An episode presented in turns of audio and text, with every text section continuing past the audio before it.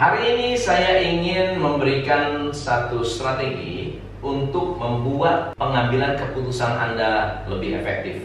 Sebelum saya memberikan tipsnya, cek apakah Anda sudah subscribe channel ini atau belum. Kalau belum, silahkan subscribe dan jangan lupa pencet belnya supaya Anda tidak ketinggalan video-video terbaik untuk membuat bisnis Anda lebih sukses dan lebih dahsyat.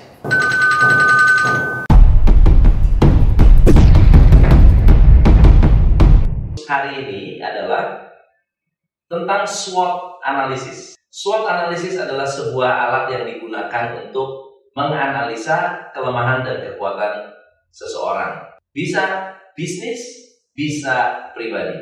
Jadi Anda bisa gunakan untuk personal use. Jadi Anda mengenal diri Anda, kekuatan dan kelemahan Anda. Anda juga bisa mengenal kekuatan dan kelemahan sebuah tim. Anda mengenal kekuatan dan kelemahan sebuah bisnis. Yang jadi masalah adalah banyak orang yang sedikit salah pengertian tentang SWOT dan bingung menempatkan strength, weakness, opportunity, and threat. Step pertama ketika Anda membuat SWOT, sebaiknya Anda tentukan konteks. Kenapa harus ada konteks? Supaya tidak melebar. Step yang pertama. SWOT ini Anda ingin tujukan untuk apa?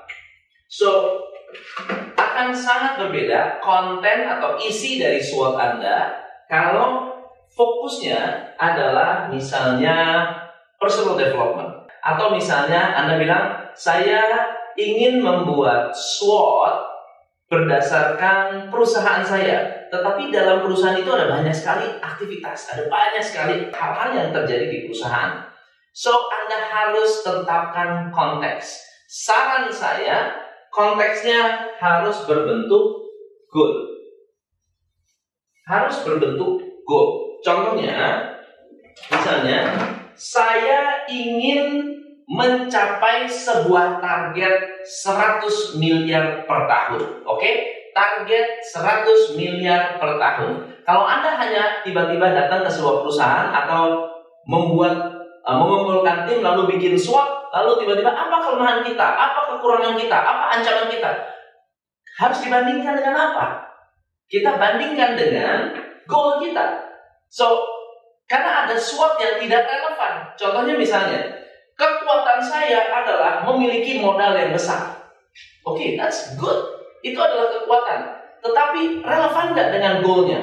Kalau misalnya goalnya adalah saya ingin membuka cabang, relevan. Tapi kalau misalnya goalnya adalah saya ingin menciptakan kualitas produk, mungkin modal besar tidak ada kaitan yang sangat-sangat besar. Yang lebih penting adalah kalau Anda memiliki kualitas manusianya. Karena berapa banyak uang pun yang Anda miliki, kalau nggak ada orang yang menjalankan proses tersebut, pasti nggak akan, nggak akan efektif. Misalnya, saya ingin mengejar 100 miliar per tahun. Nah, baru kita berbicara apa kekuatan, apa kelemahan, apa kesempatan, dan apa ancaman yang akan membuat saya bisa dan tidak bisa mencapai goal 100 miliar per tahun. Ini adalah konsep pertama yang harus Anda desain. Silakan Anda pikirkan dulu apa goal dan konsep Anda sebelum kita masuk step yang kedua, yaitu dengan memutuskan strategi Anda ketika membuat SWOT. Sekarang stepnya dulu.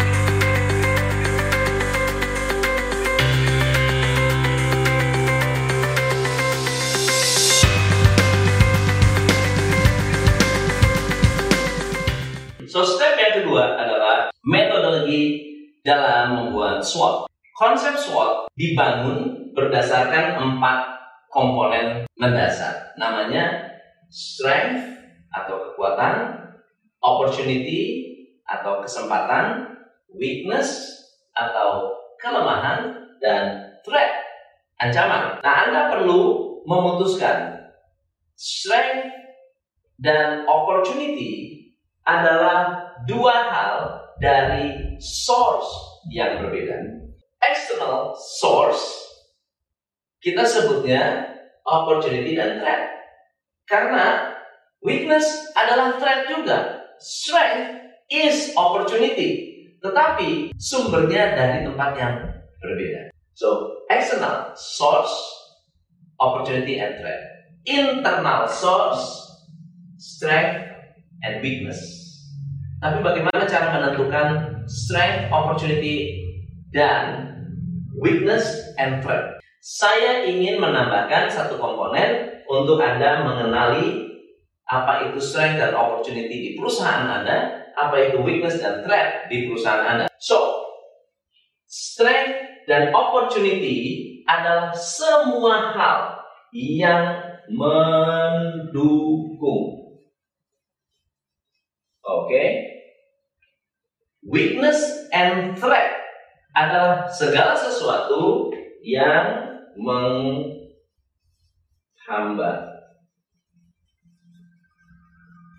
So misalnya mendukung menghambat apa? Mendukung dan menghambat Anda dalam mencapai target goal yang Anda inginkan. So, ada hal-hal internal yang mendukung, kita sebutnya strength. Kalau ada hal-hal eksternal yang mendukung namanya opportunity. Saya ambil satu kasus di bisnis retail. Ada sebuah bisnis.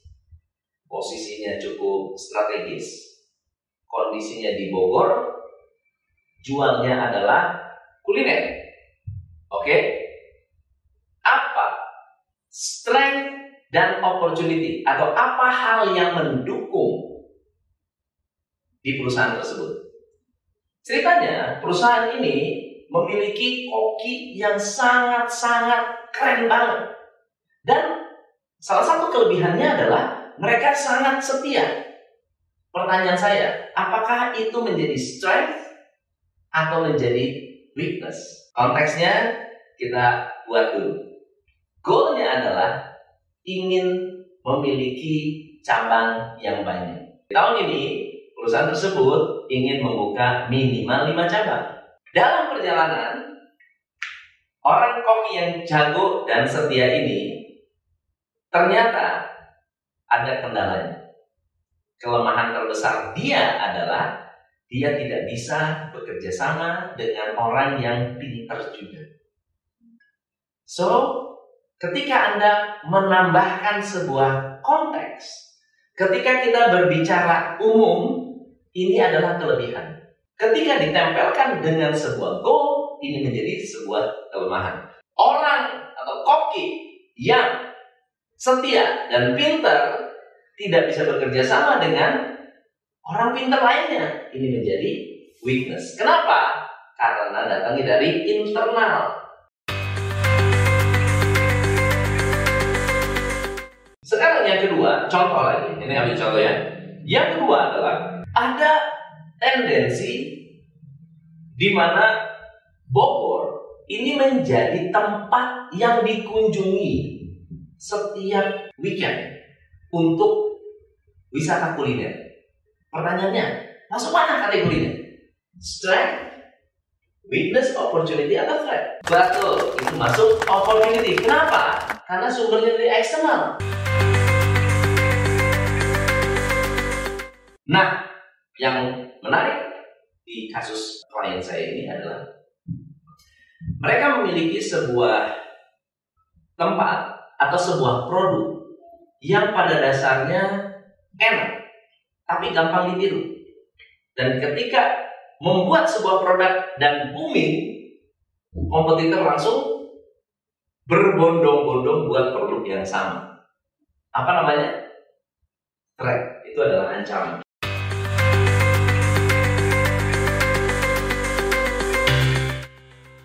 Sisanya harus masuk ke dalam strength. Apa kekuatan-kekuatan yang sudah dimiliki hari ini? Oh, ternyata menunya sangat bisa diterima. Menu bisa diterima. Kenapa kok masuk strength? Karena internal. Contoh lain, timnya sangat kompak. Timnya kompak. modal cukup. Itu masuk ke dalam strike. So, jadi teman-teman, tools kita hari ini untuk membuat SWOT, Anda harus menerapkan tiga step penting. Step pertama adalah membuat konteks. Step kedua adalah menentukan apa yang menghambat dan apa yang mendukung. Dan step yang ketiga adalah mengisi kolom-kolom ini berdasarkan target dan konteks yang sudah Anda tetapkan. Semoga bermanfaat. Gunakan di bisnis Anda, gunakan untuk pribadi Anda, dan please kalau Anda sudah menggunakan atau ada kesulitan, komen di bawah ini. Buat teman-teman yang belum like and subscribe, please like and subscribe untuk mendukung channel ini mengejar target 100.000 subscriber. Saya Tom MC salam mencerah.